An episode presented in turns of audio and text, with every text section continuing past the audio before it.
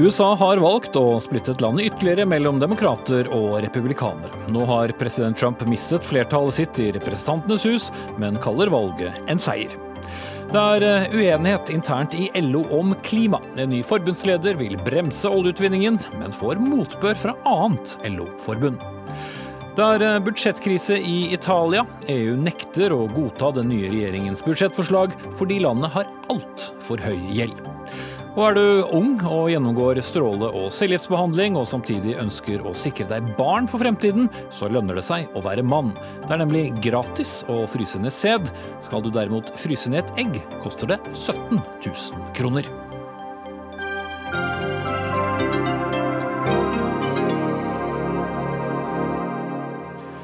Da sier vi god kveld og velkommen til ukens midterste Dagsnytt 18. Jeg heter eh, Espen Aas. Amerikanerne har i dag eh, våknet opp til et litt annet USA enn i går. For mellomvalget har nå gitt demokratene flertall i Representantenes hus for første gang på åtte år, mens republikanerne på sin side styrket posisjonen i Senatet. President Donald Trump har eh, omtalt det som sin big victory og en tremendous success, mens demokratene mener resultatet viser at amerikanerne vil ha endring. Og Vi har med oss begge våre USA-korrespondenter. Først til deg, Veronica Westrin i Washington. Kan eh, noen av sidene egentlig erklære seier? Det er vel mer uavgjort, da, hvis man kan si det sånn. De har eh, begge tatt viktige seire i hvert sitt kammer. Republikanerne har all grunn til å være fornøyde med at de klarte å ta såpass mange senatorer som de gjorde, og få det flertallet de fikk. Og så er det også interessant å se hvor det er de klarer å få det flertallet. Sånn som i Senatet så har man klart å beholde eh, makten i mange av de statene der man trodde at demokratene kanskje kunne komme til å ta over. Eh, ellers så er det jo i Representantenes hus hvor demokratene har all grunn til å være fornøyd med at det har blitt eh, valgt inn eh, rekord rekordmange kvinner. Dette er noe de har jobba hardt med å få. Og, og, ikke minst det at de klarte å, å få det flertallet som de har jobba hardt for. Det er forventet eh, rekordhøy oppslutning om valget. New York Times skriver nå i dag at eh, det er eh, kanskje den beste oppslutningen siden midten av, av 60-tallet. Hvorfor har det vært så mye engasjement denne gangen? Ja, Nå har vi ikke fått de endelige tallene her eh, ennå, men, eh, men, allerede på forhånd så vet vi jo at det var avgitt rekordmange forhåndsstemmer. Og jeg har jo reist mye rundt, snakka med folk som sier at de er veldig opptatt av dette valget. Og det kan man kanskje takke én person for, og det er Donald Trump. For han har klart å få amerikanerne ut til stemmeurnene. Eh, Demokratene har mobilisert noe voldsomt mot han, men på den annen side. Det har også republikanerne gjort ved å eh, få folk til stemmeurnene. Så det er et veldig splittet amerikansk folk som nå har sagt sin eh, mening på begge sider. Mm. Korrespondent eh, Anders Magnus, du har eh, fulgt denne innspurten av mellomvalget i eh, Nord-Dakota. Hvordan har det gått i Midtvesten? Der styrket jo Eller mistet da altså flere demokratiske senatorer sine seter. Hva, hva skyldtes det? Ja, Her i Nord-Dakota så tapte jo Heidi Heitkamp, demokraten, med 11 prosentpoeng. Så hun tapte jo så det sang. Og også i Illinois, Missouri, i Texas, eh, eh, Florida, altså hele midtbeltet, så har jo ikke demokratene klart seg. Eh, Riktignok med ganske små marginer, men dette er stater hvor Trump har holdt store valgmøter, så, og hvor demokratene ledet på meningsmålingene før disse valgmøtene, men hvor altså Trump har klart å ta innpå ved sin egen innsats. I tillegg til Trumps uh, valgmøter, så har det nok også betydd veldig mye denne striden om høyesterettsdommer Brett Kavanaugh. Han uh, var populær blant republikanerne, og mange syntes han ble veldig urettferdig behandlet de, eh, stat, de senatorene som var på valg fra demokratisk side, som, eh, som stemte mot Kavanaugh, bl.a. her i Nord-Dakota, de har tapt alle sammen. Så det er et klart signal fra velgerne. Og har jo, eh, Trump har jo nå et så stort flertall i Senatet at han kan fortsette å utnevne dommere, altså dommere til føderale domstoler, som kan sitte livet ut. Så er jo spørsmålet hva gjorde Trump riktig, eventuelt hva gjorde demokratene galt?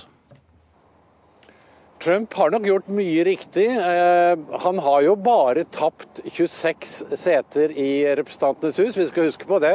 For eh, Barack Obama tapte 63 seter i Representantenes hus da han eh, hadde sin første midt...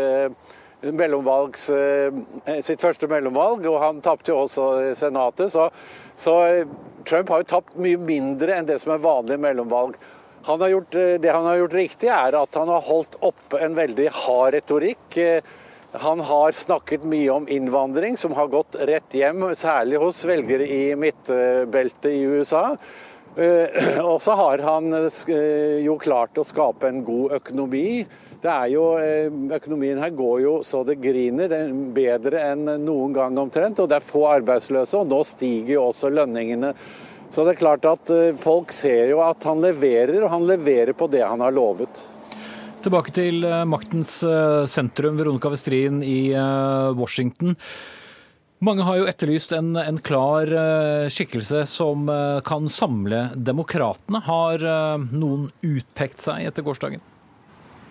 Hvis du tenker på presidentvalget som nå kommer om to år, så har det jo foreløpig vært mange navn på blokka senatorer som har eh, markert seg. Kamala Harris, Kirsten Gillibrand, Amy Klobuchar. Altså, det er mange forskjellige navn som har kommet opp. Eh, Oprah Winfrey.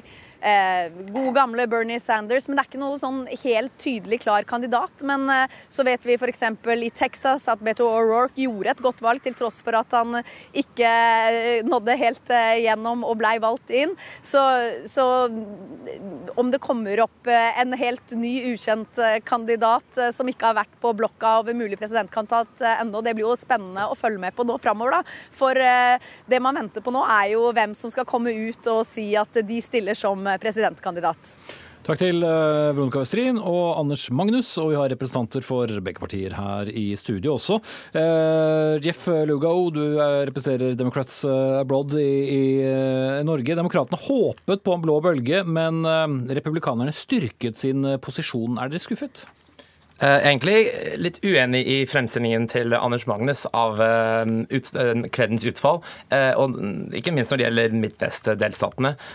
for å ta det første først, så er, det mange, er det mange distrikter i Representantenes hus som ennå ikke er avgjort. Det er flere titalls hvor vi ikke vet utfallet. Så det tallet med 26 nye mandater, det er ikke riktig. Det er spådd av de fleste ekspertene at det kommer 34-35. Så da snakker vi halvparten av de som amerikanere fikk i 2010. Eh, hvis vi ser nærmere på Midtvesten, syns jeg også det er litt interessant. Fordi det ble nevnt her North Dakota. Det ble også nevnt eh, andre midtvestdelstater hvor demokratene ikke gjorde det like bra som de hadde håpet de skulle. Men man kan også trekke fram flere eksempler på sittende demokrater i eh, Minnesota, i Ohio, i Wisconsin, i Pennsylvania. Der snakker vi tre delstater som stemte på Trump, men hvor den sittende demokraten vant gjenvalg, egentlig med ganske stor margin. I tillegg så gikk demokratene eh, fremover i de delstatene jeg nevnte eh, nå i Midvesten, men utover dem Kansas eh, og, Minnesota, mm. hvor, de, hvor, de, egentlig gikk, de gikk fremover, særlig i distrikter rett utenfor storbyer. Mm. Og Der ser vi mye grunn til håp, at akkurat de gruppene begynner å gå mer og mer mot demokratene. Mm. Ja, det var mange enkeltresultater på, på rekke og rad, men hvis du skal ta det store bildet, er hvem vant? Nei, det er uh, ikke uriktig å si at det var en, uh, et, delt, et, delt, resultat. Uh, Demokratene hadde selvfølgelig håpet på at vi skulle gjøre det bedre i Senatet. Men vi så også at det kartet som demokratene måtte forsvare i år, i og med at det var mange demokrater som sitter i ganske røde delstater, som beveger seg mer og mer mot høyre, at det var vanskelig kart. Og vi vet at i 2020 at det er flere republikanere som må forsvare sine mandater. Så hvis jeg er optimistisk på Senatet i 2020, så kan man også nevne disse guvernørvalgene. Demokratene har tatt tilbake mellom eh, som det ser ut nå, syv og åtte delstater eh, som de ikke hadde før eh, valgkvelden i går. Og Mye av politikken sa gjøres på delstatsnivå og lages der, så det er en stor seier for demokratene. Mm. Vincent Boe, nestleder i Republicans Abroad Norway. Trump tweetet i natt at dette var en tremendous suksess. Var det det? OK, ikke akkurat tremendous suksess, men han holdt stand. Så uh, dette demokratene snakker om, det er bare wishful thinking. ikke sant? Det er bare splitting hairs. Fordi det gikk bra et sted, ikke så veldig bra andre sted. Så ganske mikset, eller blandet, eh, som det heter på norsk, eh, resultat. We, we call it a split decision. Det, er- det var ingenting spesielt med det. Det skal, det skal være ikke noe stor foran- forandring. Nancy Pelosi is, uh, Han kommer ikke til å være speaker for så veldig lenge. Så uten en uh, um, erfaren speaker mot en erfaren president, det ser ikke så bra ut for 2020. Hvis vi da ser på den eh, endringen som da eh, skjer, nemlig i Representantenes eh, hus, hvor mye vil det endre dynamikken i politikken at eh, demokratene nå får tilbake flertallet? Jeg kan, probably, jeg kan si det. Kanskje uh, det, det største skal være en movement om uh, bevegelse on, on uh, healthcare. Fordi det er alle er enig i at vi skal gjøre noe med healthcare. Alle er enig, uh, er enig vi må gjøre noe med den caravan som kommer mot oss. Men alle andre bare retorikk og snakk. Fordi det var ikke noe snakk om økonomi. Nei. Likestilling, alle dette der. Nei. Nei. Det, det problemet var healthcare. Og eh, huset, det er bra, det er bra, bra sted å begynne med healthcare. Ja, ikke noe problem. Lugo, eh, hva blir det viktigste å kunne bruke en flertall til? Eh, jo, Det er to ting jeg har lyst til å trekke fram. Det første er at demokratene nå har en gyllen anledning til å vise hva politikken deres er. Så vi kommer til å se eh, lovforslag når det gjelder å utvide helseforsikring. Eh, vi kommer til å se lovforslag når det gjelder bedre tilgang til høyere utdanning. Det er til og med snakk om å gjøre utdanning, høyere utdanning gratis. Eh, vi kommer til å se eh, mer til demokratenes planer eh, om å gjøre om skattereformen som kom i fjor, for å få til et, en skattepolitikk som faktisk gagner de fleste amerikanere, ikke bare de aller rikeste. Men det andre viktige er jo selvfølgelig at vi nå har endelig et av de to husene i Kongressen eh, som kan følge med på hva presidenten gjør, og holde han ansvarlig når han begår lovbrudd, eh, når han eh, eh, ikke er lojal mot landet og eh, eventuelt eh, lager hemmelige avtaler med fremmede makter. Eh, og Det er jo en veldig viktig kontrollfunksjon som ligger i å styre akkurat eh, Representantenes hus. Så jeg ser fram til å se at Donald Trump blir holdt til ansvar endelig, for republikanere har ikke klart å holde han til ansvar. Bav, nå ble du ivrig. Det er akkurat hvorfor demokratene ikke nådde fram. Personality politikk, hva har det med national politikk å gjøre? Who cares what the president does? Nei. Amerikanere bryr seg mye om healthcare, border protection, alle dette der. De, presidenten, presidenter er presidenter. Sånn er det. Når vi ikke liker presidenter, we get rid of them. Men Det er da utvilsomt mye oppmerksomhet eh, rundt eh, Trump, eh, hva han gjør og ikke gjør, slik det særlig også var rundt Bill Clinton. Så helt uviktig er det vel ikke hva Personali Personal- verdens mektigste mann gjør og ikke gjør. personality politics har er ingen sted i Washington. Det er akkurat hva han sa, drain the swamp. Altfor mye personality politics, that needs to go away. Nei, vi må gjøre noe med the business of the country. The business, of the, business of the country is healthcare, border protection. Lego, vi nærmer oss for så slutten. Eh, som jeg var inne på med korrespondent eh, Veronica Westrin i sted, eh, ser vi noen som trer frem blant eh, demokratenes eh, rekker som eh, utkrystalliserer seg som mulige motkandidater eh, til Trump, hvis han da eh, stiller til gjenvalg i eh, 2020? Jeg synes det er kjempespennende å se mot 2020, eh, særlig i lys av resultatene i natt. Eh, Vi så eh, historienes, eh, altså USA-historienes mest mangfoldige delegasjonen som nå blir valgt til Representantenes hus. Vi har, eh, altså for å nevne bare én, en lesbisk kvinne med ane fra den amerikanske urbefolkningen som skal representere Kansas. Og det sier litt om eh, hvilken mangfold vi nå har eh, løftet fram i vårt eget parti. Og det, det gjør meg optimistisk med tanke på 2020. Vi er kommer til å Ja, men vi kommer til å se Ja, det er god tid. Altså To år eh, tror jeg også mange nordmenn tenker er lenge nok eh, til å finne egnede kandidater. Så jeg tror vi kommer til å se mange kandidater som melder seg. Eh, Jeg tror det blir et mangfold av kandidater fra alle, fra langs hele spekteret i Det demokratiske partiet. Og jeg gleder meg til en god debatt om hvem som er mest egnet til å slå Donald Trump i 2020. Mm. Eh, til slutt, Bo. Det rapporteres om en enorm økning i valgdeltagelsen. En formidabel suksess, i hvert fall for demokratiet, om, eh, om ikke annet. Klarer man å holde interessen for amerikansk politikk oppe blant velgerne, som nå ser ut til å ha vent seg til å velge? Det skal være, det skal være øke, øke, øke til 2020. Fordi så, akkurat for du sa, det er ingen, ingen som kan utfordre Donald Trump akkurat nå. Vel, vi får se. Uh, hvorvidt noen makes America great again er det som alltid delte meninger om, men vi kan i hvert fall slå fast at mellomvalget made voting great again. Takk skal dere ha.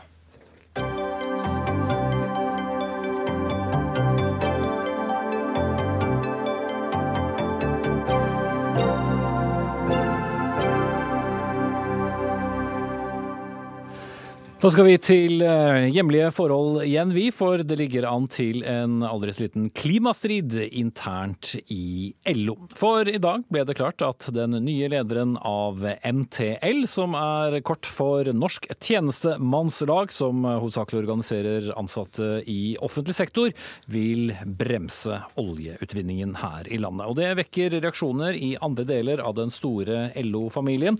Men først til deg, Kjersti Barsok. Du er eh, ja, knapt varm varm som uh, nyutnevnt uh, forbundsleder i Norsk tjenestemannslag. Hvorfor uh, er det en viktig sak for deg at LO skal ta et krafttak for klimaet? Det er jo rett og slett fordi det blir ikke noe greie på de omstillingene som er nødvendig for å møte klimaendringene uten at fagbevegelsen er med på laget. Så, og LO er en stor kraft. Vi organiserer bredt gjennom LOs forbund. Og er det noen som kan omstilling, så er det fagbevegelsen. Og klimaendringene vi står overfor og er midt oppi, de krever omstilling, og, og, kunnskap om det, det er det vi som har. Så da mener jeg at fagbevegelsen må være på den ballen. Men det kan jo også bety at uh, Norges uh, største organisasjon uh, med så mange ansatte også må ta valg som går utover arbeidsplasser, da? Nå har vi en veldig fin tradisjon i LO gjennom LO-kongressen og rundt LO-kongressen, hvor vi jo diskuterer og prøver å komme fram til løsninger som alle kan leve med. Og det gjorde vi også på forrige LO-kongress, så kommer jeg fra et forbund som også har en selvstendig politikk som vi tar med oss til LO-kongressen. Det samme gjør Frode. Eh, og vi Frode Alfheim, som er forbundsleder i Industri og Energi, for ja. alle som hører dette på radio. Ja. Eh, og vi representerer jo litt ulike interesser. Og jeg kommer med et tydelig mandat fra våre medlemmer. Nå skal det også sies at vi skal vedta vårt nye handlingsprogram i morgen. Eh, så jeg snakker ut ifra det handlingsprogrammet som, som har ligget i den fireårsperioden vi har bak oss. Mm. Men oppfatter at vi vi fortsetter i samme retning som det ser ut nå. Og bare for å ta det helt kort, for jeg skal snart slippe Alfheim her, så eh, er altså oljeindustrien eh, en av tingene som du mener man bør ta grep overfor? Altså, dette er jo en større sammenheng. Eh, vi har jo snakka om og snakker om at man bør redusere utvinningstempoet av olje hvis man skal klare å, å, få fatt eh, i de utfordringene vi står overfor. Det er jo én av flere løsninger. Det er jo ikke bare én næring vi snakker om. Vi snakker jo også om statens rolle i den mm. omstillinga, og vi snakker om transportsektoren bl.a. Så, så det, er ikke, det, er ikke, ensidig. Men det er jo kanskje det området som får mest oppmerksomhet mm. når man snakker om klima. Og det er jo ikke noen liten næring heller, Frode Alfheim, eh, som også er forbundsleder i Industri og, og Energi. også en del del av eh, LO-familien. Eh, syns du det er en god idé, som Barsuk sier, å bremse i utvinning? Ja, altså nå er det jo sånn at Når det gjelder olje, så er det jo faktisk det som skjer. Vi produserer mindre og mindre olje og mer og mer gass. Og jeg mener jo at gass er faktisk eh, litt sånn brua til skal vi si, det komplette fornybarsamfunnet, og som allerede i dag er med å fortrenge mer forurensende energikilder, som f.eks. i Storbritannia som har sagt at de skal fase ut kullkraft som eh, energiforsyning og erstatte med bl.a. gass, som du må ha for å balansere kraftproduksjonen fra sol og vind. Så jeg mener jo at eh, vi skal være med på, på si, den ferden mot det der fornybarsamfunnet, men det skal skje samtidig som vi fortsatt skal være en verdensledende nasjon når det gjelder eh, teknologi innenfor olje- og gassvirksomheten. Men er det et slags tja til NTL her?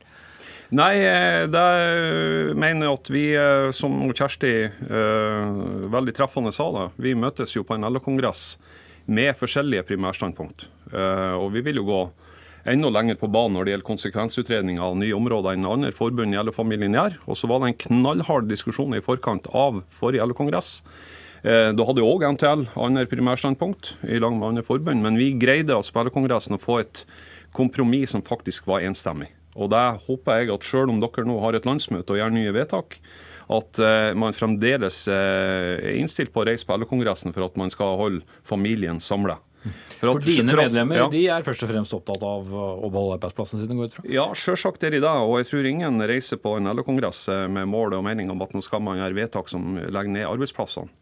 Og jeg mener jo da at uh, vår industri er jo òg en, en uh, premissleverandør for det som bør være interessant til de organisasjonene i offentlig sektor. For at vi betaler jo mesteparten av inntektene fra olje og gass uh, til, til staten. Og det er med å sikre velferdsstaten. Så der mener jeg at vi ikke har ulike interesser, Kjersti. Altså. Vi har like interesser at vi skal ha en sterk velferdsstat, og vi har like interesser i at den skal være godt økonomisk fundamentert. Mm. Og jeg syns det er helt fantastisk at uh, vår næring faktisk bidrar med 286 milliarder kroner for å dekke utgiftssida i statsbudsjettet for 2019. Der bør òg NTL være opptatt av at de har en solid eh, eh finansiering av drifta av, eh, av Alle de offentlige virksomhet. arbeidsplassene. Si. Eh, olje- og gassnæringen sysselsetter nesten en kvart million eh, mennesker, eh, og vel da 60 000 av dem er medlemmer i, i LO. det blir jo å gå litt mot sine egne, da? Altså, det, det la det være helt åpenbart. Vi ønsker ikke å legge ned arbeidsplassene uh, til medlemmene til Frode. Det vi jo så senest for et par år siden, når oljeprisen falt, var jo hvor sårbart dette var. Det vi ønsker oss, er jo en kontrollert omstilling, nettopp sånn at vi slipper det. Det er jo, mener jeg, blant de aller, aller fleste, i hvert fall i denne delen av verden, anerkjent at vi må omstille oss. At vi må over på mer fornybare energikilder. Um, og så er vi nok ikke helt enige om takt måte, og det skal skje på. Men hvis vi skal få til det nettopp uten arbeidsledighet, og med å også kunne sikre de inntektene, ja, da er vi nødt til å få opp farta ved å bygge ut de alternativene og legge til rette for det. Og det kan ikke bare skje uh, i veldig småskala. Da må man tørre å satse, og ikke minst bruke den kompetansen som vi har opparbeida oss gjennom den viktige oljenæringa. For La meg bare slå fast det, at oljenæringa har vært og er kjempeviktig eh, i norsk økonomi, men det gjør oss også veldig sårbare. Så at vi som samfunn må ta det ansvaret for å bygge oss videre mot ei framtid. Og eh, det har jo vært ganske steile fronter, og, og, man har jo diskutert det hardt. Og det er jo ingen, i ingens interesse at vi skaper et bilde av framtid som ingen har lyst til å være med til. Eh, så det er jo, dette er jo mye. Altså, det ene er jo eh, klimaaspekten i det, men det handler jo også om hvordan vi innretter arbeidslivet vårt. Mm. Men Utgangspunktet deres er, er uansett uh, klima. Ja. Men uh, Alfheim, det er vel også et poeng her at dere som har skoene på, som man kanskje sier, også kan være de som, som leder an? Ja, og jeg mener jo at uh, det er jo den mest teknologibaserte næringa vi har i Norge. Det er den maritime og den næringa som er basert på offshorevirksomheten. Så jeg er helt sikker på at samtidig som vi skal fortsette å bygge videre på, uh, på den næringa vi har, så kommer vi til å utvikle det som er grobunnen for nye arbeidsplasser. Og holdt på å si, mange tiår framover. Så jeg tror Kjersti har rett i sin diagnose. Vi er litt uenige om takta på det her. Jeg tror vi har mange mange tiår framfor oss med behov for olje og gass. Da mener jeg at et eh, poeng at vi som er den beste nasjonen når det gjelder utvikling av teknologi, eh, og med tanke på, eh, på klima og miljø, vi må fortsette å være verdensledende på det området der. Da kommer vi både til å ha sysselsetting hos oss, vi kommer til å være en solid finansiør av, av velferdsstaten Norge, og vi vil òg lage de nye arbeidsplassene som vi skal leve av. For en gang så er det slutt, det er vi enige om. Men det blir mange tiår til. Men samtidig også sikre bruken av, av fossile brensel. Ja, det er et globalt behov for, eh, for energi. Eh, og det er òg et globalt behov for eh, olje og gass til petrokjemisk virksomhet, altså til industriell produksjon. Ja, i hvert fall jeg har vel sittet her ganske naken uten å si, klær som har vært med basis i, i, petrokjemiske produkt. Sånn at eh, vi må heller ikke se oss blind på at eh, all olje og gass kun produseres med tanke på energiforbruk. Men behovet for det, og til, til forbrenning, det kommer til å vare i mange tider. Mm. Kjersti Barsok, blir det en tøff kamp internt uh, i LO? Altså, Uenighetene ligger jo der. Eh, og som Frode sier, eh, ja, det er jo dette med hvor fort det skal skje. At vi kommer til å fortsette å ha brytninger, det tror jeg. Men det er jo det som gjør det fellesskapet så fantastisk. Så eh, ja, fordi vi representerer ulike interesser. Men er det noe vi som tillitsvalgte er vant til, så er det jo nettopp å, å stå i interessekamp og prøve å finne løsninger sammen. Og vi kommer til å fortsette å, å pushe på at farta skal være, være, høyere, så lenge det er det våre medlemmer gjennom landsmøtet sier at vi skal. Så, men det vi også gjør, det har jeg lyst til å understreke understreke, det er jo å kort. se på vårt eget område. Hva kan staten gjøre? Hvordan kan vi fasilitere for det private næringslivet gjennom de arbeidsplassene vi organiserer på? Så det, er, det handler om å peke innover også, og ikke, ikke, bare utover. Og det mener jeg at det er viktig. Nå skal vi leve etter oljen, men det er ikke sikkert det bare er i offentlig sektor. Si. Takk skal du ha, Kjersti Barsok, eh, ny forbundsleder i Norsk Tjenestemannslag, og Frode Alfheim, forbundsleder Industri og Energi.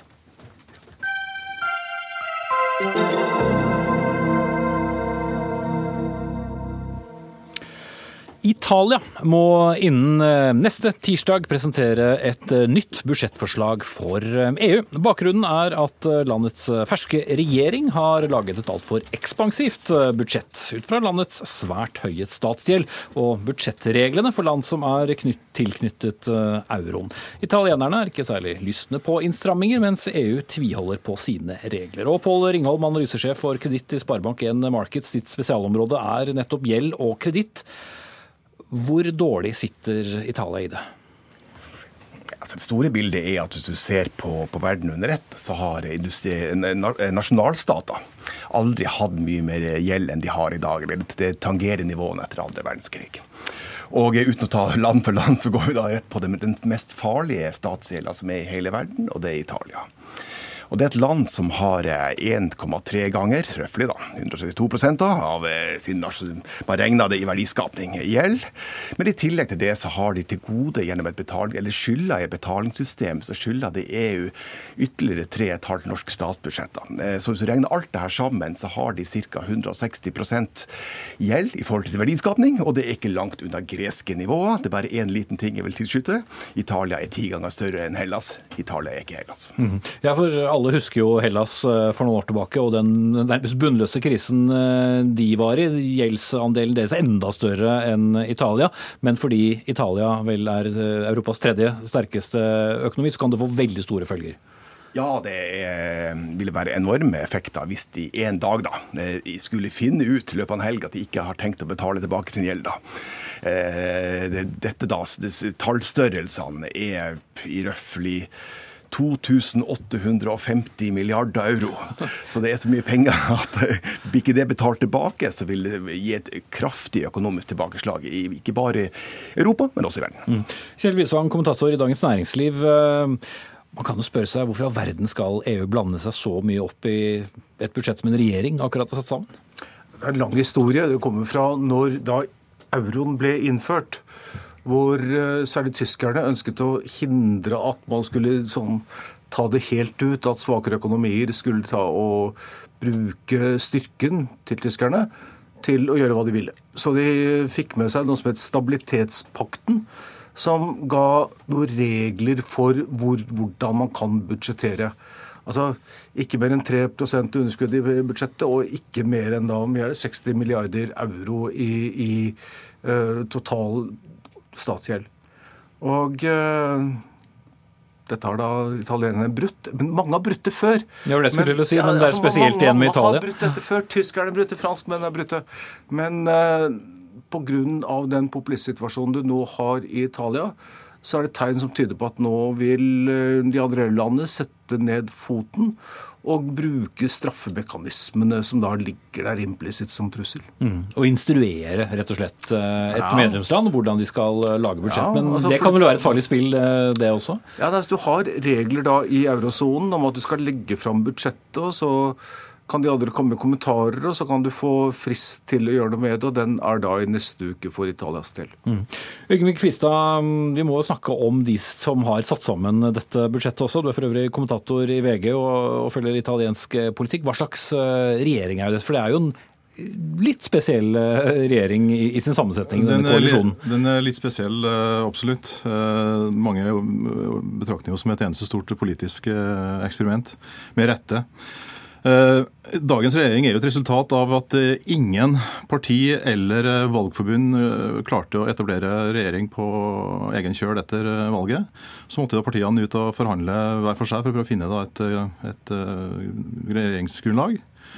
Og da var det altså disse to, to ytterliggående partiene da fant sammen, da, som mange frykta, men også som veldig mange tenkte at det er helt umulig. for at Ideologisk og saklig så står de på ikke bare i hvert sin planet, men i hvert sitt univers. uh, men eh, og Det er jo et, et høyrepopulistisk eh, parti, La Lega, tidligere Lega Nord, separatistparti, på den ene sida. Og så er det da dette systemkritiske femstjernersbevegelsen på den andre, som opprinnelig har en, en, en, en opprinnelse i, i venstrepopulisme, i hvert fall så lenge Pepe Grillo styrte med det. Han var jo en slags uh, egendefinert marxist. Eh, de er uenige om egentlig det meste, men et par ting er de enige om. og det er dette med uh, bruk av uh, offentlige midler. Der er de grenseløse, begge to. og så har de ingen respekt for EU. og så har de en tredje ting, at de begge har ideer om nasjonalisering av, av egne statlige virksomheter. Uh, alt fra jernbane til noe siste man snakka om, er jo, er jo flyselskapet konkursriddet Alitalia, som skal bli en ny sånn italiensk flag carrier igjen. Og det Summa av alt de har stelt i stand av lovnader med skatteletter og borgerlønn og eh, reduserte pensjonsalder og sånn, det, er jo, det er jo et regnestykke som ikke går opp. Mm. Og Paul Ringholm, nettopp fordi de er da et av, av flere eh, euroland, så vil det da kunne gå utover eh, andre hvis ikke de holder regnskap som de skal? Um, ja, um, det vil spesielt gå utover de hvis de i en helg, eller hva det måtte være, skulle, skulle, få det for seg at de skal ut av euroen. da. Det er jo der det, det store slaget ligger. Altså med Italia er det sånn at de har den statsdelen vi har, har det, det, diskutert. da. Og Det eneste grunnen til at dette går rundt i dag, det er at renta er så lav som den er, kombinert med at ECB, at den europeiske sentralbanken, har kjøpt sånn røftlig 17 av italienske gjelder. Men det skal de slutte å gjøre, i, altså i større omfang.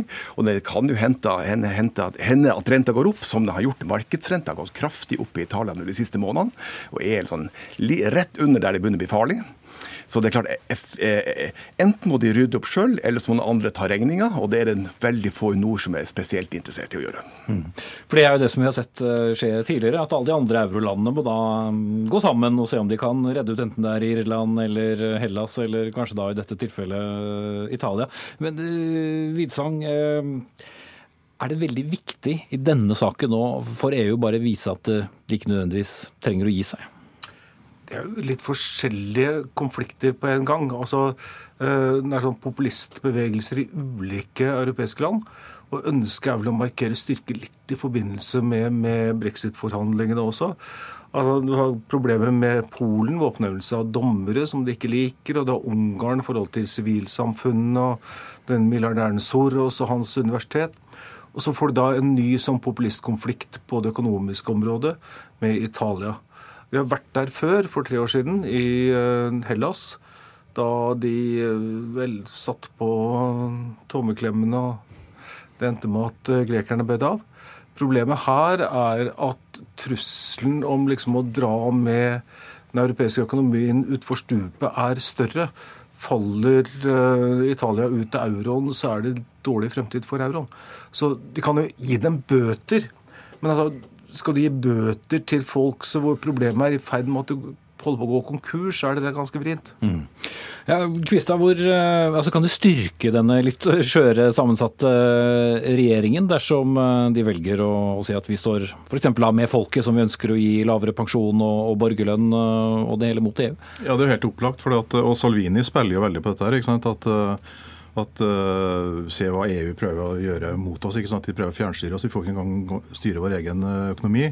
Og På meningsmålingene så, så, går jo Lega veldig veldig fram. altså For hver nye konflikt de kan ha med EU, enten eller, eller menneskerettsdomstolen eller hva som helst, så, så, så styrker jo Salvini seg.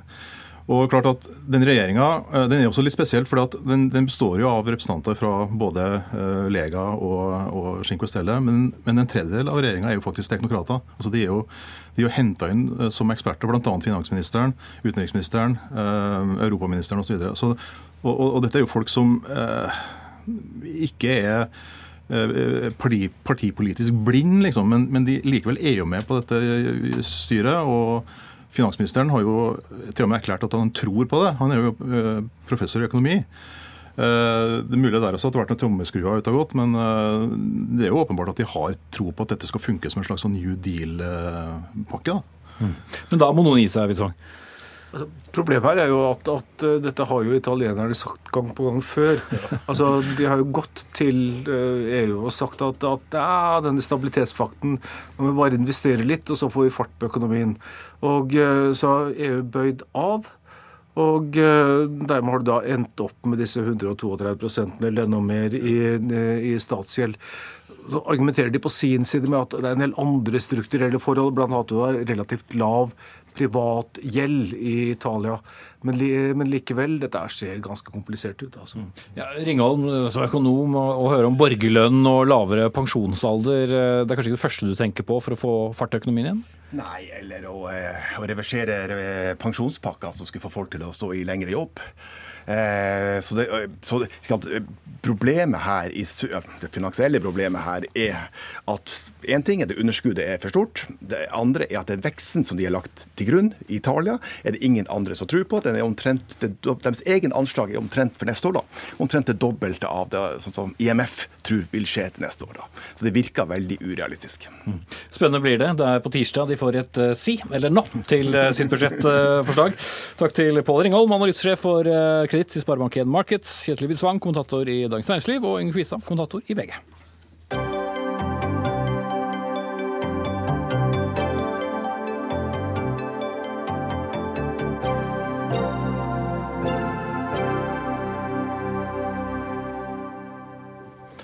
Er du en um, ung person som gjennomgår cellegift eller strålebehandling som følge av kreft, og også ønsker å ha barn i fremtiden, så, ja, så, lønner det seg faktisk å være mann. Det er nemlig gratis å fryse ned sin uh, sæd, mens en kreftsyk kvinne må betale rundt 17 000 for å få frosset ned eggene sine.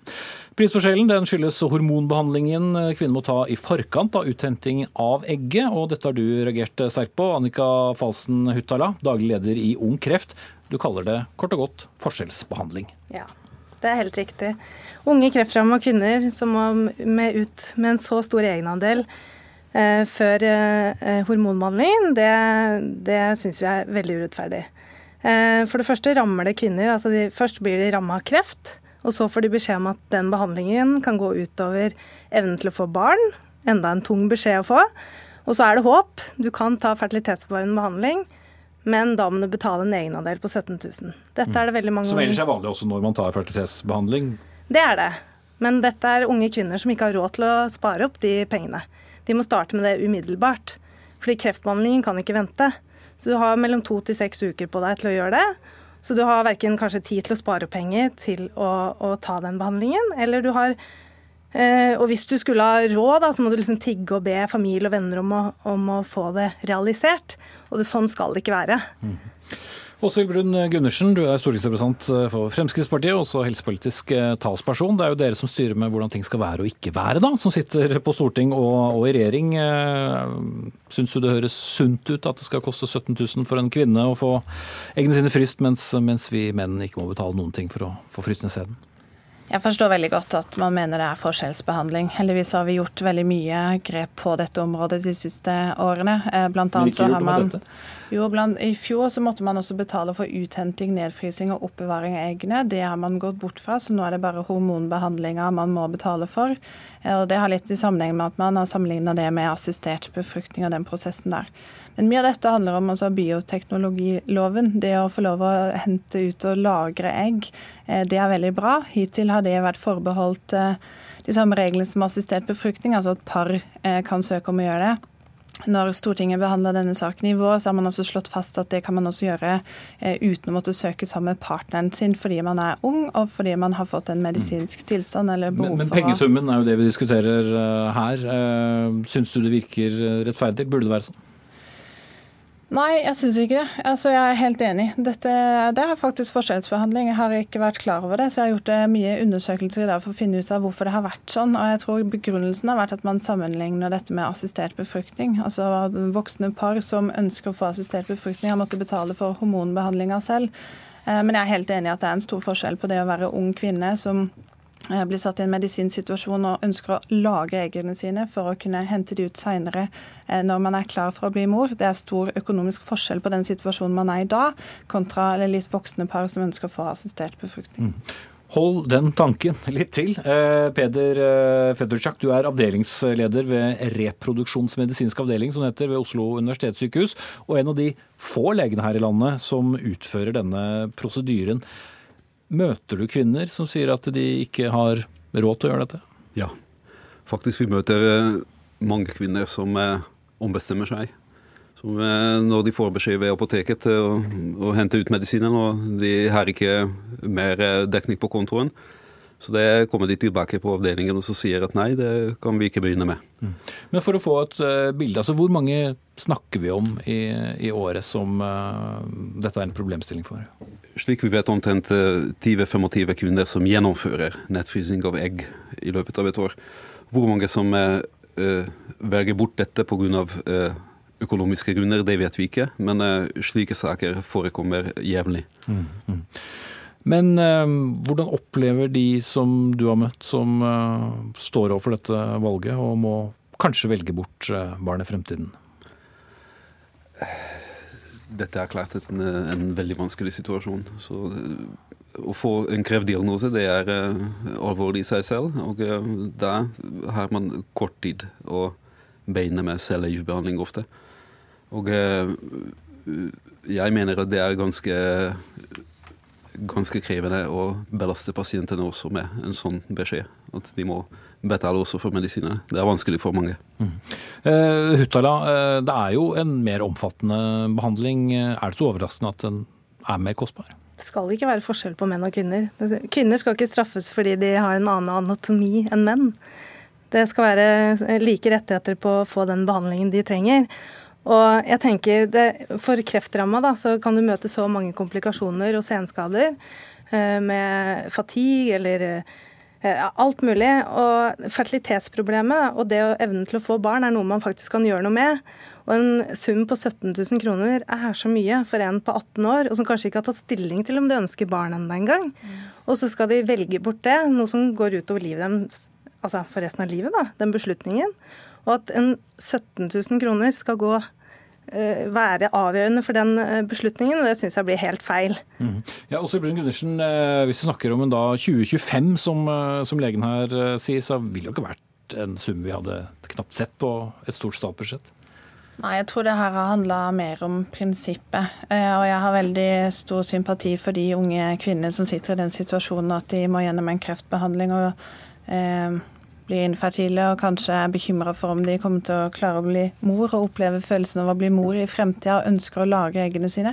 Jeg er veldig glad for at de får muligheten til det. Jeg syns også det er viktig å utvide den muligheten til å gjelde eh, unge kvinner som ikke er i samboerskap eller som ikke er gift, for der møter de motstand i lovverket i dag. Det ønsker vi definitivt å se på. Mm. Og så er jeg helt enig i at dette, dette er faktisk forskjellsbehandling som jeg, jeg mener vi må ta opp i, i regjeringsforhandlingene. Sier du nå at uh, det vil du gjøre? Ja, det syns jeg definitivt er på sin plass å ta tak i. Det gjelder å få kvinner. Det, det, er avgjørende for eh, muligheten til å oppleve å bli mor. Eh, og er det noe vi trenger i dette landet, så er det jo flere barn. Og vi må legge til rette for at unge kvinner skal få mulighet til å få barn, selv om de har opplevd noe vondt og vanskelig i en medisinsk situasjon. Mm. Mange syns vel eh, kanskje at dette kommer sent, da? Ja, dette er noe som haster veldig. Eh, mens vi sitter her og prater, så er det flere som må ta, eh, ta stilling til det her. Eh, og vi har oppretta Fertilitetshjelpen i Ung Kreft for å hjelpe flest mulig kvinner. I samarbeid med tre legemiddelfirmaer. Men det skal jo ikke være vår jobb å dekke dette. Det er det Helse-Norge som bør være ansvarlig for. Og når det er snakk om en ganske liten kostnad, så håper jeg dere klarer å få det på agenda ganske fort.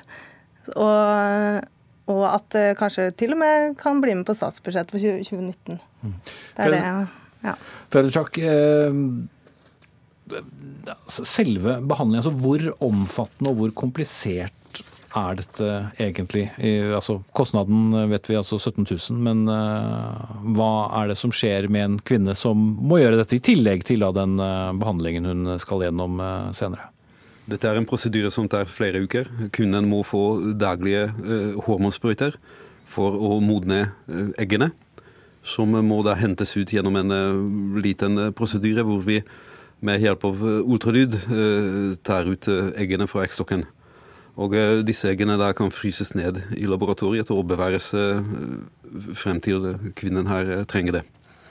Så dette er en ganske lang prosedyre, men det går ikke uten at man betaler for hormonene. Mm. Men hvor, du jobber jo i helsevesenet. Hvor mange behandlinger ellers er det man må betale såpass mye for selv? Nei, altså Det er veldig få eksempler hvor eh, det er egenandeler, såpass høye egenandeler i uh, helsevesenet. Et eksempel er uh, sterilisering eller rituell omskjæring, hvor man uh, må betale. Og også fertilitetsbehandling. Det er der hvor egenandeler stort sett er. Mm.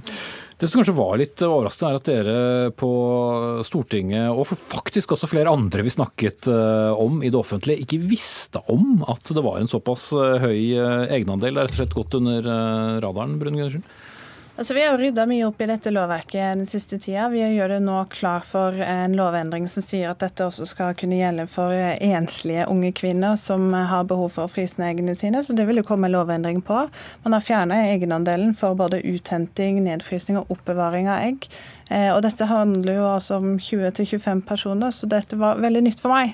Eh, men jeg mener at det er urimelig. Eh, jeg er glad for at dere har tatt den kampen, og jeg vil også være med og sørge for at unge kvinner som må gjennom denne prosessen, får mulighet til å lage eggene sine og hente dem frem senere i livet, sånn at de kan oppleve følelsen av å bli mor hvis de ønsker det. Du som sitter på innsiden, hvor, hvor kjapt kan man presse gjennom et sånt beløp? da? Jeg tror eh, egentlig ikke det handler om beløp, jeg tror det handler om prinsippet at man har sammenligna dette med andre lovverk som handler om assistert befruktning. Eh, så uten å gå noe videre i det, så tenker jeg at dette må vi i hvert fall kunne klare å se nærmere på. Eh, Men du mente at, altså at de har en reell mulighet. De har jo ikke det når de ikke har uh, mulighet til å betale egenandelen. Så ja, Derfor er det haster med å få det på plass. Jeg er enig i det. For dette handler om unge mm. kvinner som ikke har økonomiske muskler, og som ikke var forberedt på at denne situasjonen skulle oppstå, og som av medisinske grunner forstår at de er nødt til å lage egger nå hvis de skal ha mulighet til å hente de frem og bli mor seinere. Eh, reglene for assistert befruktning har jo handla om voksne par som sitter i en helt annen økonomisk situasjon, som ønsker å ha assistert befruktning. Så jeg tror det er den uheldige sammenblandinga her som er resultatet i at egenandelen for disse unge kvinnene nå er blitt så høy. Mm. Hvordan startet dere kampen for sent? Eh, vi har jo blitt oppmerksom på det selv i altså, ganske ny tid, gjennom Peter Federsak, som har tatt kontakt og sagt at uh, dette er det flere kvinner som uh, opplever. Og da var vi kjapt ute med å starte den fertilitetshjelpen så fort som vi kunne. Og da tenkte vi også parallelt vi må adressere dette politisk, fordi dette er ikke vårt ansvar, men vi valgte å, å, å sette i gang det fordi det haster, da. Men uh, det er jo mange grunner til at det her må komme på plass. og En prinsipiell grunn er at menn og kvinner i hvert fall ikke skal forskjellsbehandles. Man skal ha en reell mulighet til det her. Og det har jo allerede blitt tatt stilling til at fertilitetsbevarende behandling er noe de tilbyr. Og da syns jeg det virker så unaturlig å sette en så høy egenandel, som umuliggjør det for så mange kvinner som det gjør i dag. Da. Mm. Det er i hvert fall uh, tilsynelatende enighet mellom dere tre i uh, panelet her. Jeg må bare si også til uh, vårt publikum at vi spurte også om Helsedepartementet ønsket å delta i dag. Det hadde ikke de anledning til, men vi takker dere som var med. Annika Falsen Hotaland, daglig leder i Ung Kreft. Petter Føderusjak, avdelingsleder ved reproduksjonsmedisinsk avdeling ved Oslo universitetssykehus sykehus. Og Åshild Brun Gundersen, stortingsrepresentant for Fremskrittspartiet.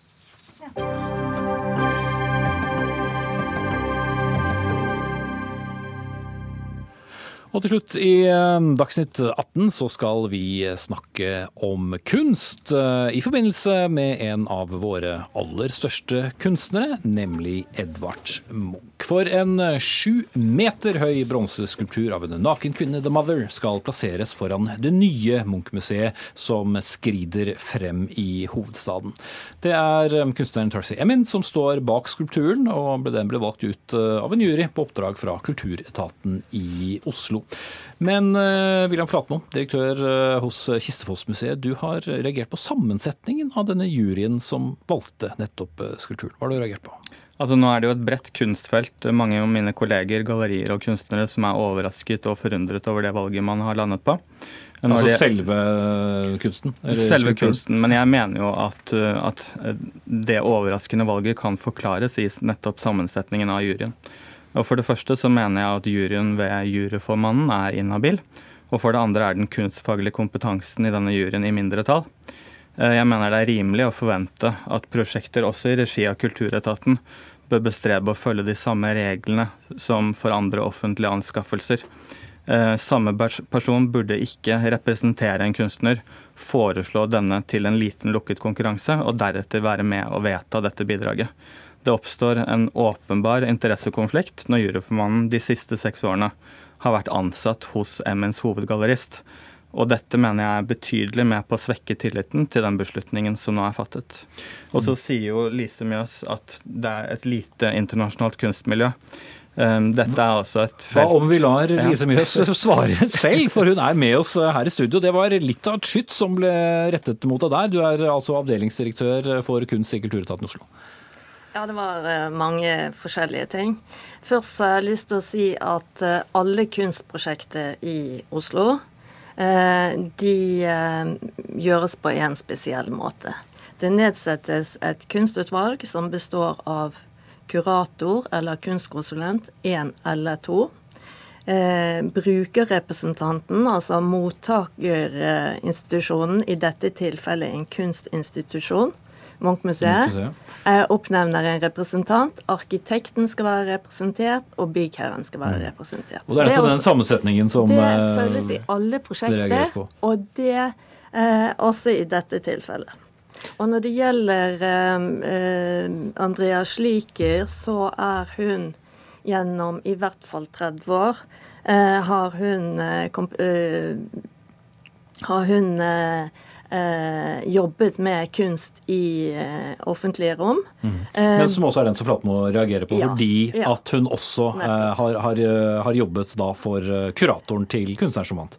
Galleriet. Galleriet, unnskyld. Ja.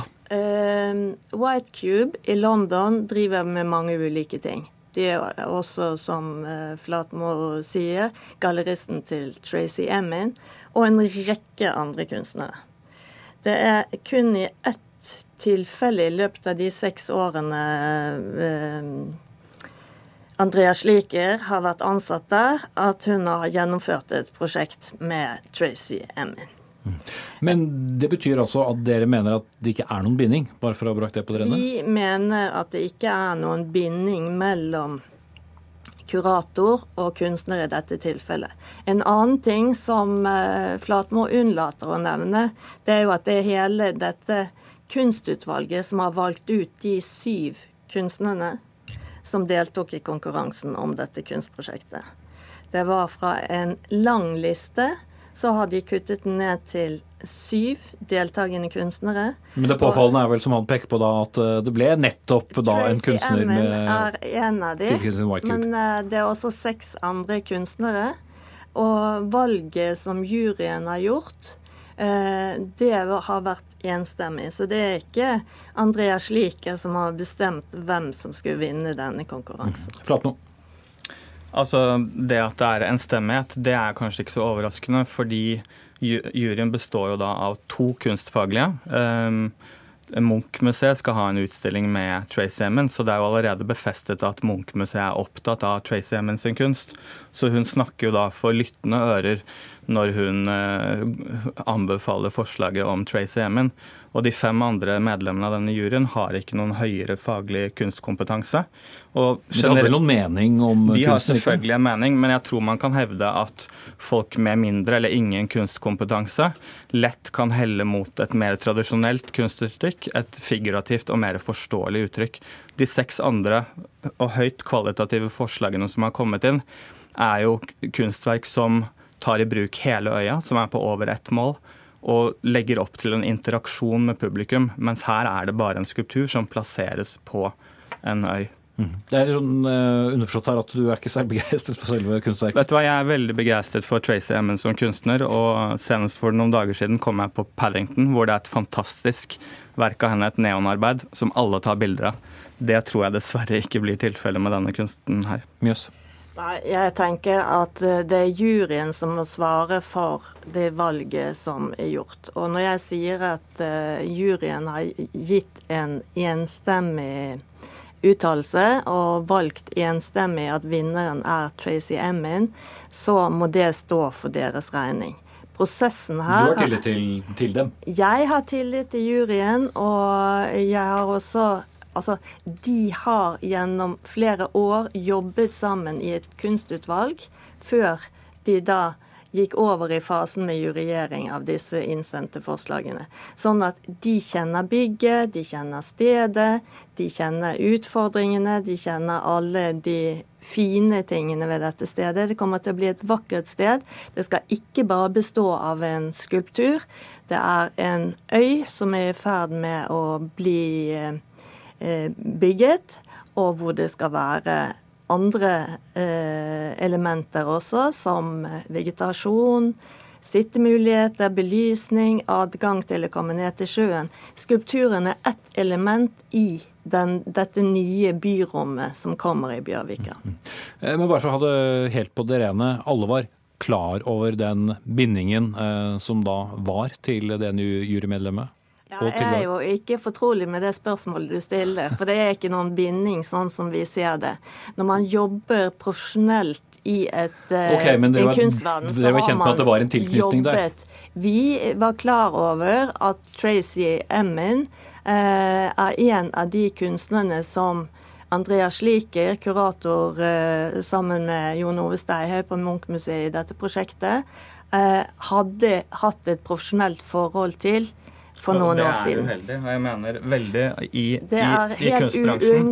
Bare- la Flatmo at snakke. kunstnere I kunstbransjen så er det slik at veldig mange som er ansatt i gallerier, har lav grunnlønn, og så jobber de på kommisjon. Det er helt sikkert ikke tilfellet med Andrea Sliker i dette tilfellet, men det er uheldig at en kommersiell aktør som Whitecube, som er et av de mest kommersielle galleriene i verden, har en så klar relasjon til Dette må jeg få lov å kommentere. Fordi at Andrea Sliker har hatt et ansettelsesforhold med White Cube som ikke var 100% Det oppdraget hun har gjort for oss, det er helt for oss. Vi har ikke inngått noen avtale med galleristen, altså White Cube, men direkte med Andrea Sliker, på helt normale vilkår, som alle andre kunstkonsulenter som jobber for oss, får. Det er ingen forskjell på det. Men er ikke verket bestilt av Whitecube? Eller? Nei. Det er kjøpt direkte av kunstneren? Vi har ikke kjøpt et verk. Dette verket skal produseres, og vi skal inngå kontrakt med Tracy Emin. Veldig kort til slutt, eh, Flatmo. Hvorfor dette voldsomme engasjementet rundt denne skulpturen? Altså jeg er, eh, jobber med kunst til daglig og er eh, veldig opptatt av hvordan man bruker byrommene. Og det er så mange gode eksempler i Oslo by, f.eks. Operaen og også Deichmanske, hvor man har skapt eh, kunstverk som engasjerer og eh, vekker interesse, utfordrer publikum. Eh, så jeg mener at her går man glipp av en utrolig flott mulighet. Men du representerer jo selv en stor privat eh, kunstsamler. Eh, Skjer det aldri at du kjøper av noen du har en tilknytning til? Eh, Vi utvikler som regel forhold til kunstnerne eh, gjennom invitasjon. Det vi gjør er at vi analyserer et sted og ofte bare inviterer én kunstner som vi er overbevist om at kan passe til nettopp det stedet. Her har man jo gått ganske bredt ut. eh, Og, og kanskje ikke brukt nok tid på å analysere hva slags type kunstverk ville vært riktig nettopp her. Du eh, kommenterte også at eh, det var kunstverk skulle bli vanskelig å ta en selfie sammen med. Er det viktig? Det er viktig fordi um, kunstverden, eller Kunst-Norge, Kunst-Oslo, er i ferd med å eksplodere. Med Munch-museet, Nasjonalmuseet og flere interessante visningssteder. Og dette er med i markedsføringen av Oslo som en interessant kunstby. Jeg tenker at det å ta selfie vil være fullt mulig også ved skulpturen til Tracy Emin. Ja. Nei, det behøver ikke å gå langt unna. Det kommer an på hvor stort utsnitt du vil eh, ha. Men du kan ta det fra fjorden, du kan ta det fra Sørenga, du kan ta det fra operaen, fra Sukkerbiten. Så det mener jeg er et ganske irrelevant eh, innvending mot Her for dere som ikke kjenner området, oppdateret på lokalkunnskapen. Lise Mjøs, avdelingsdirektør for kunst i Kulturetaten, takk skal eh, du ha. Og eh, også takk til deg, William eh, direktør hos Gjestefoss-museet. Ansvarlig for eh, sendingen, Jaran Ree Mikkelsen. Teknisk ansvarlig, Finn Lie. Jeg heter Espen Aas. Ny sending i morgen, da med Ole Torp i studio.